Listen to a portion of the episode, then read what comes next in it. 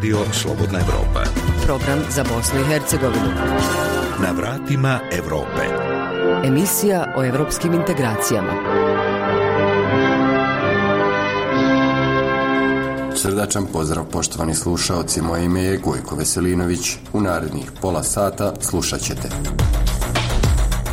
U BiH leže desetine hiljada tona toksičnog otpada iz predratnih industrijskih zona, a vlasti niti ih otkrivaju, niti uklanjaju, čime stvaraju bosanske Černobile, kaže u intervju za Radio Slobodna Evropa profesor Damir Arsenijević sa Univerziteta u Tuzli, koji je osnivač platforme za ekološku humanistiku Zemlja, voda, zrak iz Tuzle. Mi se nosimo sa takvom količinom otrova koja je jeziva. I strašno je to da se, da se do sad ništa nije uradilo. Bosni i Hercegovini potrebne su decenije da bi dostigla prosječan prihod zemalja Evropske unije, navodi su u najnovijem izveštaju Svjetske banke pod nazivom Ažurirana sistemska dijagnostika zemlje. Prema sadašnjoj stopi rasta bosansko-hercegovačkoj ekonomiji trebalo bi više od stotinu godina da dostigne prosječni nivo prihoda Evropske unije, navodi se u izvještaju. Antifašizam u BiH na udaru je desničara koje podržavaju vladajuće strukture u zemlji. Odnos prema antifašističkom nasljeđu, prema kompletnom tom pokretu u ovom vremenu marginalizacija, odbacivanje, uništavanje kompletnog nasljeđa, brisanje tog nasljeđa, Tehnički fakultet u Bihaću dobio je opremu vrijednu 35.000 evra u okviru programa za unapređenje obrazovanja Evropske unije Erasmus+. Ova oprema će nam omogućiti da možemo izraditi kvalitetne naše master radove. Također kroz projekat će biti nabavka softvera. Softver ćemo koristiti za projektiranje građanskih konstrukcija. A sada prelazimo na najavljene sadržaje. Emisiju Na vratima Europe možete i pročitati na našoj web stranici slobodnaevropa.org. Ekološka platforma Zemlja, voda, zrak uticala je na vlasti Tuzlanskog kantona da se pozabave opasnim otpadom koji leži u industrijskim zonama u ovom gradu. U BiH ima na desetine hiljada tona toksičnog otpada iz bivših industrijskih postrojenja koje su ekološke bombe, a zašto vlasti ne rade ništa na njihovom otkrivanju i uklanjanju, razgovaramo sa Damirom Arsenijevićem, profesorom Univerziteta u Tuzli, koji je osnivač platforme za ekološku humanistiku Zemlja, voda, zrak. Pa evo, vlada Tuzlanskog kantona je imenovala tim za analizu stanja opasnog otpada u industrijskoj zoni Tuzle koji će analizirati stvarno stanje po pitanju količina i vrsta zaostalih substanci u krugu nekadašnjih fabrika HAK1 i HAK2 te nekadašnjem odlagalištu otpada u Moluhama. Evo, možete li nam vi reći, e, imate li kakva saznanja o tome šta se tamo nalazi i koliko je to toksično i opasno za građane i okolinu? I Tuzla jeste jedan od početnih primjera uh, kako možemo ovo skupa da rješavamo. Ja znam da se iste stvari dešavaju i radimo ih i u Banja Luci i u Mostaru. Uh, o količini opasnih materija u postrojenjima HK1 i HK2 ne znamo. Mi smo dvije godine radili zajedno sa radnicama i radnicima HK na rekonstrukciji onoga šta je dole preostalo. Mi otprilike znamo da ima 40 tona visoko zapaljivog propilen dioksida, da ima nekoliko hiljada tona kruksa koji se našao i u moluhama, koji je nepropisno deponovan, da ima hlora koji je, kao što znate, visoko toksičan a, gas i da ima žive koja je jako opasna, a koja je nezbrinuta i nalazi se u slivu rijeke Jala, koja kasnije može otići sve dalje do, do Save i dalje, i u Dunav. Znači, mi se nosimo sa takvom količinom otrova koja je jeziva. I strašno je to da se, da se do sad ništa nije uradilo, ali jeste ohrabrujuće da se počelo sada nešto raditi, jer je ovo, um, zapravo mi smo već zatrovali budućnost naše djece. Koliko ovakvih zona ima u BiH? Pa ovako, najprije vam kažem, u Bosni i Hercegovini ima nekoliko crvenih zona, takozvanih koje su, koje su najopasnije zone u Evropi. I to je ono što je, što je zabrinjavajuće. U samoj Tuzli imamo jedno tri, četiri takve zone, nisu to samo HAK 1 i HAK 2, već tu imamo i Gikil, već tu imamo i šljačišta termoelektrane, imamo Bijelo more, onda imamo u Mostaru, imate deponi uborak gdje se isto tako piralen našao, isti, mislim, piralen kao što je piralen i u Banja Luci. Znači, uh, e, mi u platformi Zemlja, voda, zrak radimo na nivou cijele Bosne i Hercegovine da pokažemo kako je ista logika u cijeloj Bosni i Hercegovini gdje imate e, elite koje imaju mafijašku strukturu i hajde što truju svoju djecu.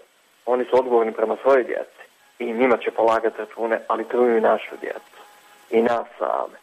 E, to ne može. Znači, mi radimo na pronalasku i rasvjetljavanju slučajeva upravo ovog ekološkog nasilja i radimo sa zajednicama lokalnim kako možemo ovaj, a, iznaći neku vrstu ekološke pravde. Što se tiče Banja Luke, a, kad kažete nadležni, to je jedan jako rastegljiv a, problem. Ovdje imamo uključenost UNDP-a, koji je toliko uvučen duboko u ovo i koji a, se ponaša jako sramotno, gdje oni a, rade na, takav način da nisu odgovorni građanima Bosne i Hercegovine ili cijeloj državi Bosne i Hercegovine, već mešetare i kriju od ljudi nalaze dekonte firme koja je, češka firma koja je radila istraživanje u samom postrojenju Incela. Zatim, imate grad Banja Luku, imate gradonačelnik Stane Vuković je obećao da će već u maju da predstavi rezultate istraživanja dekonta, mi to čekamo, međutim, ne možete sve svaliti na grad. Čiji je bio Incel? Nije Incel bio samo grada Banja Luke. Imate vladu a, Republike Srpske koja pokušava da štiti interese kompanija koje su unutar Incela i koja a, ne drži ovo kao pitanje od javnog interesa. Pirale je toliko kancerogen da se on već krajem 70. godina počeo, prestao koristiti u Evropi. Međutim, vi sad imate neke vrste uzrokovanja, nekoliko puta istraživanja i mi sad zaista ne znamo sa kojom količinom pirelena se ovdje govori. Međutim, ono što znamo jeste da su zabilježene oko 33.000 puta veće doze od dozvoljenih doza piralena. Vi na, na 16,5% uzoraka imate jako povišene vrijednosti piralena.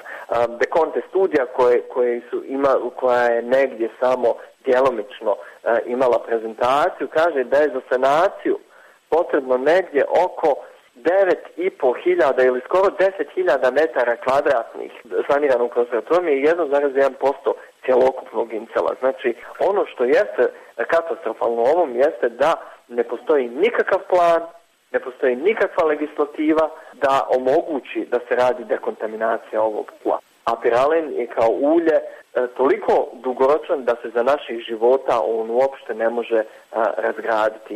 I, njega samo mogu razgraditi jako visoke temperature. Ono što je sramotno u Republici Srpskoj jeste kako zarad e, sitno šičarskih interesa ljudi dobijaju a, rakove i, i truju se svakodnevno. Eto, to je ono što, što, je, što je nezamislivo, a, ali mi to živimo. A kako je stanje sa ostalim zonama? Spomenuli ste Mostar.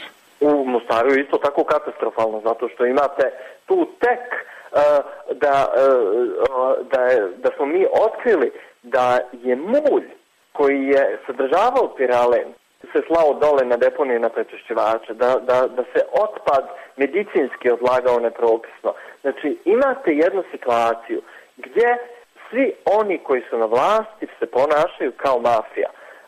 Znači, oni pokušavaju da sakriju taj otpad, mi njima ne trebamo vjerovati, zato što su istraživanja pokazala koliko opasnog materijala se nalazi i koliko zapravo ljudi umire od, e, od bolesti uzrokovani ovim, ovim ekološkim nasiljem i ovakvim otrovima koji su nepropisno odlagani.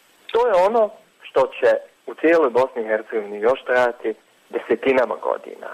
I e, ja vam sad već mogu sad e, sigurno reći da će u budućnosti se suditi za ovakve zločine kao što se za ekološke zločine će se suditi kao što se za ratne zločine sudilo. To predstoji jer će nas to buduće generacije goniti krivično za ono što smo mi, mi od njih oduzeli, a to je njihova budućnost, zdrava budućnost, nezatrovana budućnost.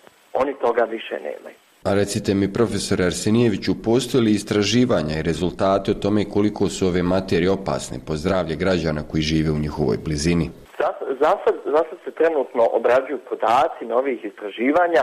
Ono što jeste i što vam mogu reći je da, da je ovo veliki problem za javno zdravlje u cijeloj Bosni i Hercegovini u svim ovim zonama. Vi imate recimo zone oko naselje Divkovići, oko Tuzle, gdje, gdje imate cijele generacije ukućana koje su umrle od kancera.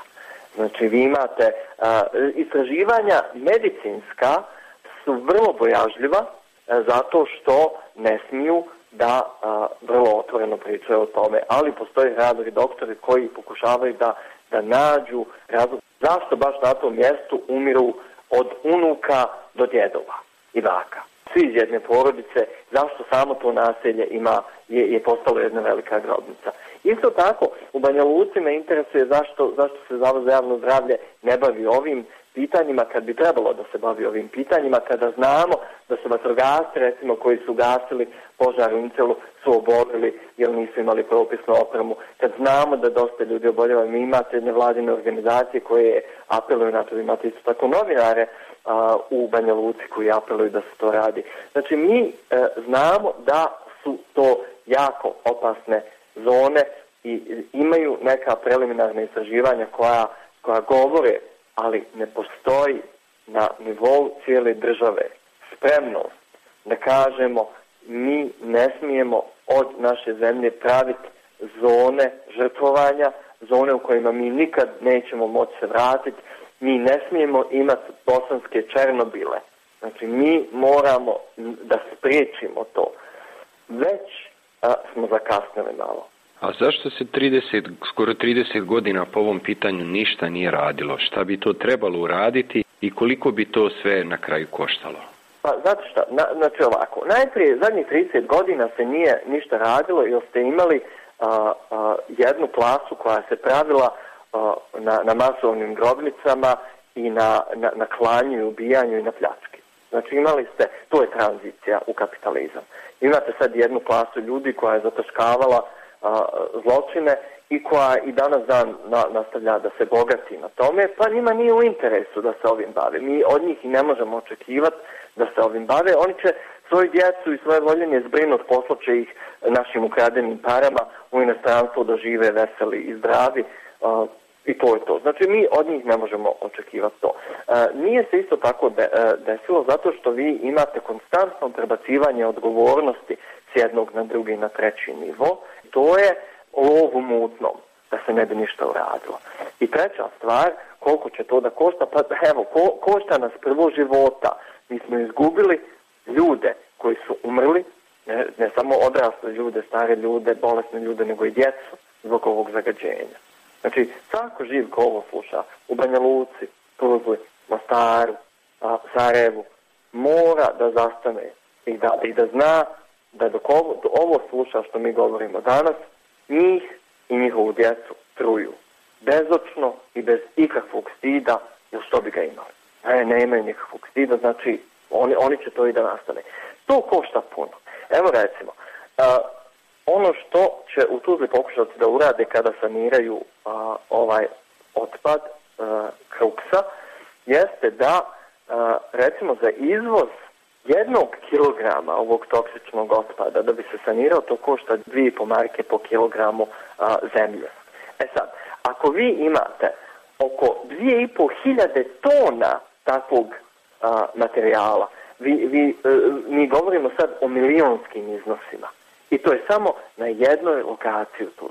Znači nama će trebati stotine miliona maraka, eura, bilo koje valute. Moramo da napravimo strategiju kako da do ovog više ne dođe. Isto tako, ne možemo dopustiti da nečiji pojedinačni interesi i krađa budu stavljeni van ikakve nekažnjivosti i ne možemo dozvoliti da ti interesi prevladavaju opšti javni interes. Hvala vam puno, gospodine Arsenijeviću, na ovom razgovoru. Hvala vam. Slušate emisiju Na vratima Europe. U najnovijem izveštaju Svjetske banke u BiH koji je objavljen pod nazivom Ažurirana sistemska dijagnostika zemlje, navodi se kako su BiH potrebne decenije da bi dostigla prosječni prihod Europske unije. Detalji iz izvještaja i mišljenja eksperata donosi Armes Grbešić. Eksperti Svjetske banke naglašavaju da ekonomija Bosne i Hercegovine raste, ali i napominju da se ti procesi ne odvijaju dovoljno brzo kako bi se ostvario željeni životni standard. Odavno je to poznato građanima koji dijelom i zbog toga traže bolje zarade izvan granica Bosne i Hercegovine. Među njima je Alen Mahmutović koji je još prije sedam godina otišao u Sloveniju. Bolja plata će održati te mlade ljude ovdje, neće ga održati jako mala plata pa se ni s tim ne može troškove pokriti osnovnog života. Tako da mislim da je najveći prioritet posao, firma, otvaranje novih radnih mjesta za početak. Politika je toliko prljava da su ljudi po 20-30 godina isti ljudi tu, svi glasaju za te iste ljude svake godine, svi hoće bolje, ali ne znam, da ne kažem plaćanja i druge stvari šta se ovdje sve radi u doba izbora i takvih stvari, ali ja znam da je to jedan ogroman, ogroman utrošak novca u jako pogrešne stvari.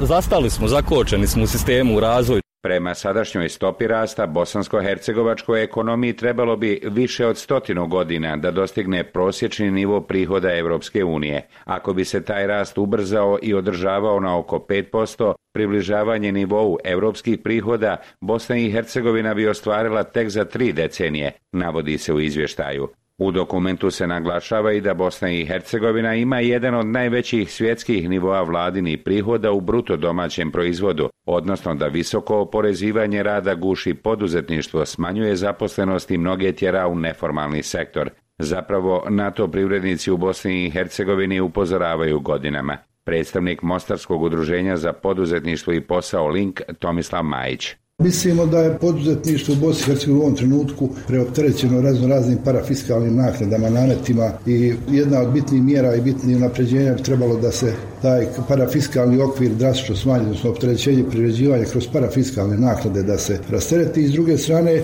previše opterećen rad u Bosni i Hercegovini raznim nametima i smatramo da treba rasteretiti neposredni rad. Doprinosi u Federaciji BiH su oko 73%, u Republici Srpskoj oko 61,2%. Međutim, smatramo da bi to trebalo skinuti neki 40% u odnosu na osnovni dohodak, tako da se kroz to može povećati plaća kako do većih plata i boljeg standarda. Na to pitanje odgovore traži i Savez sindikata Republike Srpske, predsjednica Saveza Ranka Mišić. Da možemo doći do izmjena za svih zakonskih rješenja koja definišu na bilo koji način platu i uvećanje plata.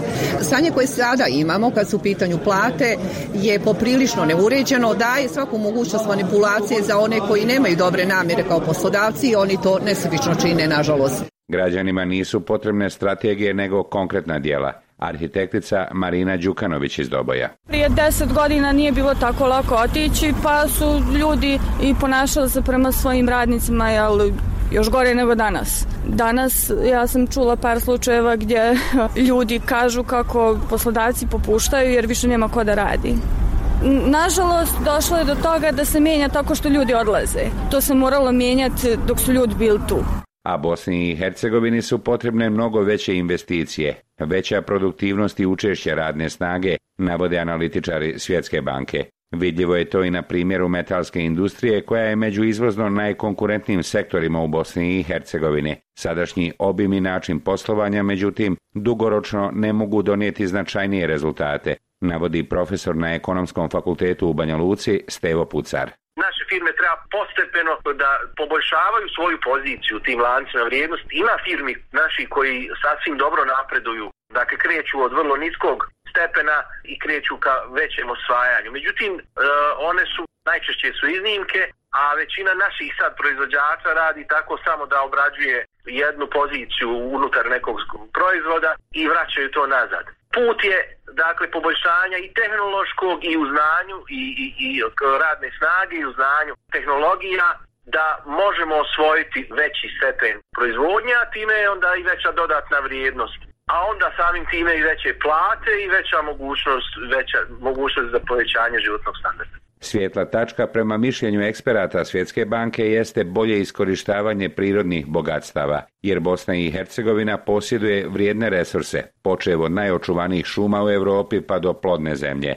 Napominje se međutim da je i u ovim sektorima izvoz ograničen na proizvode male dodatne vrijednosti od sirovog drveta i neprerađenih poljoprivrednih proizvoda, kao i da su radna mjesta u poljoprivredi i šumarstvu često slabo plaćena, te da ne pružaju dugoročnu perspektivu. Ukazuje se i da je putna infrastruktura u Bosni i Hercegovini nedovoljno razvijena. Navodi se i da većina javnih preduzeća u energetici, rudarstvu, telekomunikacijama, transportu i komunalnim djelatnostima posluje sa gubitkom, te da njihovi dugovi trenutno iznose oko 4 milijarde eura. Problemi na koje se ukazuje u izvještaju Svjetske banke dobro su poznati političarima u Bosni i Hercegovini. Za razliku od građana, oni ne moraju da brinu o svom životnom standardu. On je odavno na europskom nivou. Za radio Slobodna Europa iz Doboja, Arnes Grbešić. Na vratima Europe. U regiji i Europi jačaju desničarski fašistički pokreti što ide na ruku domaćim radikalnim frakcijama podržanim od strane vladajućih struktura u BiH, koje čine sve da marginalizuju i odbace antifašističko nasljeđe BiH, kaže u razgovoru za RSE pozorišni režiser Sead Đulić, predsjednik Saveza antifašista i boraca Narodno-slobodilačkog rata BiH, sa kojim je u Mostaru razgovarao Mirsad Behram. Povećava se pritisak na antifašiste. Niz spomenika, bista, ploča i ostalih obilježja posvećenih značajnim ličnostima narodno-oslobodilačke borbe porušen je, upozorili su ovih dana iz Sarajevskog ogranka Saveza antifašista i boraca Narodno-oslobodilačkog rata BiH Sabnora. Predsjednik Sabnora, inače pozorišni reditelj Sead Đulić za Radio Slobodna Evropa kaže tim povodom kako je antifašizam u Bosni i Hercegovini u sličnoj poziciji kao i 1941. godine, skoro pa u ilegali. Zato što odnos prema antifašističkom nasljeđu, prema kompletnom tom pokretu u ovom vremenu je marginalizacija, odbacivanje, uništavanje kompletnog nasljeđa, brisanje tog nasljeđa, revizija istorije Đulić navodi kako je više od polovine spomeničkog antifašističkog blaga širom Bosne i Hercegovine uništeno ili zapušteno do neprepoznatljivosti.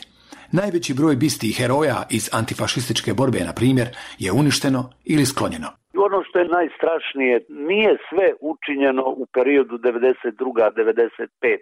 Stvari se dešavaju i 2010. Dešavaju se i danas. Dakle, ne može se više pokrivati i ublažavati ratnim ludilom. To je politika, to je strategija. Također, više nije riječ o takozvanim neodgovornim pojedincima, kaže Đulić, navodeći kao primjer devastaciju partizanskog spomen groblja u Mostaru, ali i drugih antifašističkih spomenika u tom gradu. Kaže, grupa maloljetnih huligana. Grupa maloljetnih huligana nije ustrojena kao vojska, nije uniformisana, i ne djeluje tako kako djeluju ovi koji, evo, konkretno Mostaru uništavaju godinama, desetljeća su već partizansko spomen groblje. Iza svega stoji dobro osmišljena politika, tvrdi predsjednik Sabnora BiH Sea Đulić, te naglašava da politike koje kreiraju i podstiču neofašističko djelovanje su danas u vlasti. Ja sam sklon da vjerujem da neki pojedinci iz e, struktura vlasti, iz stranačkih struktura to drže na uzdi i kontrolisano upotrebljavaju kad im treba da bi se digle ili spustile tenzije kako bi se neki politički poeni dobili, odnosno kako bi se ti isti održali na vlast. Na primjeru Mostara nije samo partizansko groblje devastirano i zapušteno, nego je također oštećeno i uklonjeno na desetine bisti narodnih heroja. U isto vrijeme, kaže se Đulić, mnogima su puna usta u novembru svake godine zavnobiha i važnosti zavnobiha i dana državnosti, a onda jedan od ljudi koji je najzaslužniji da se uopšte desi zavnobiha Avdo Humo, u njegovu se bistu pucalo, bila je u središtu grada, uništena je do te mjere i nikom ne pada na pamet da je vratimo. Sve što se dešava u Bosni i Hercegovini odnosi se i na regiju, dodaje Đulić, jer je to takozvani sistem spojenih posuda. Domaćim neofašističkim pojavama, smatra predsjednik Sabnora BiH, na ruku idu i dešavanja u Europi, jer se i u Europi fašizam suštinski vraća kao državna ideologija. To se uz ostalo vidi po tome kad vidimo šta se sve dešava, koje su hegemonističke, rekao bih, teritorijalne pretenzije određenih režima, kakav je odnos prema migrantima, kakav je odnos generalno prema drugom i drugačijem, mi u suštini živimo jedno fašističko u svojoj biti društvo, ne samo mi, nego i ogroman dio Europe, a Europa takvim ponašanjem potiče i ohrabruje naše male firere. Zašto fašistički i desničarski pokreti jačaju širom Europe, odgovor treba tražiti u činjenici da su druge snage oslabile, smatra Sead Đulić, dodajući kako su se te snage zapravo svojim djelovanjem primakli krajnjoj desnici. Vi pogledajte koja je razlika suštinska danas e, u Europi, pa i kod nas, između ljevice, lijevog centra, desnog centra, ljevice i desnice. Sve je to ono kako narod kaže u pet deka a onda naravno oni koji su radikalniji, koji su žešći, da tako kažem, u svom djelovanju, lakše povuku narod. U krajnjoj liniji Đulić smatra kako se samo treba prisjetiti kako je narastao nacistički pokret u Njemačkoj 30. godina prošlog stoljeća. Pa ćemo vidjeti da su retorike danas i pridobijanje masa vrlo, vrlo slične na tom populizmu, na ugroženosti, na otimanju životnog prostora i tako dalje i tako dalje. Sve je to primamljivo običnom čovjeku koji je i u toj velikoj Europi jako puno ljudi nije zadovoljno. A onda oni koriste upravo te nezadovoljne. Predsjednik Sabnora BiH Sea Đulić ističe da ljudima treba objasniti da se danas ne bori protiv Hitlerovih nacista ili Mussolinijevih fašista i njihovih domaćih pomagača, nego da je riječ o novim oblicima fašizma koji su danas drugačiji. Kada se uspije današnje društvo osposobiti da prepoznaje oblike neofašizma, onda će se naći i načini odgovora, smatra Đulić. Za Radio Slobodna Europa, iz Mostara, Mirsad Behram. Reforme za Europu.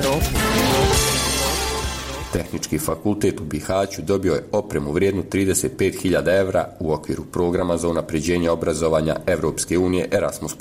Radi se o opremi koja će pomoći u modernizaciji i transformaciji nastavnih planova i programa na građevinskom odsjeku ovog fakulteta. Prilog Azre Bajrić. Tehnički fakultet Bihać već je postao prepoznatljiv po aktivnom učešću u brojnim međunarodnim projektima iz svih naučnih oblasti koje egzistiraju na fakultetu, stekavši na taj način zavidne reference. Ove godine Tehnički fakultet je partner u realizaciji tri međunarodna projekta, od kojih je jedan Erasmus Plus već počeo.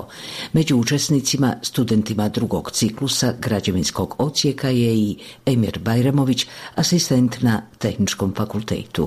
studenti Tehničkog fakulteta od ovoga europskog projekta prije svega očekuju da će dobiti modernu opremu. Ova oprema će nam omogućiti da možemo izraditi kvalitetne naše master radove. Također kroz projekat će biti nabavka softvera. Softver ćemo koristiti za projektiranje građanskih konstrukcija. Također kroz ovaj projekat e, u saradnji sa partnerima radimo na, na izradnji nastavnih planova programa za nove predmete, kao također i na unapređenje postojećih predmeta. Prije svega, ono što je naj, najbitnije jeste reći da mi kao studenti da ćemo moći naše master radove raditi na savremenoj opremi kao i, i svi drugi, drugi studenti cijele Europske unije. Dekan Tehničkog fakulteta Atif Hođić naglašava kako je transformacija nastavnih planova i programa na građevinskom ocijeku glavni cilj projekta tokom naredne dvije godine. U okviru ovog projekta planiramo modernizirati i usaglasiti nastavne planove i programe na građevinskom osijeku naših fakulteta, tako da isti budu kompatibilni u visokoškolskom europskom prostoru. Koordinatori na ovom projektu su univerziteti iz Italije, Španije, Njemačke, a partneri iz Armenije, Kazastana i Bosne i Hercegovine.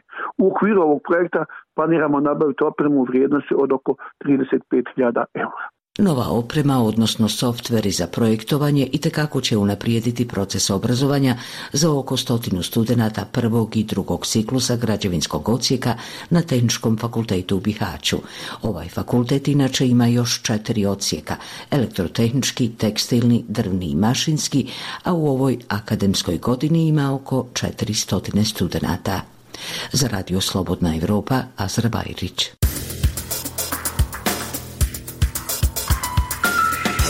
Bilo bi to sve za ovaj put u emisiji Na vratima Europe. Pratite zanimljive sadržaje Radija Slobodna Europa i dalje putem radio talasa i naše web stranice slobodnaevropa.org. Podcaste Zaviri ispod površine, glaso mladih i između redova, osim na našem web sajtu možete naći na Facebooku i Twitteru, te na Spotify, Google podcastima i iTunesu. Srdačno vas pozdravljaju Svjetlana Petrović i Gojko Veselinović.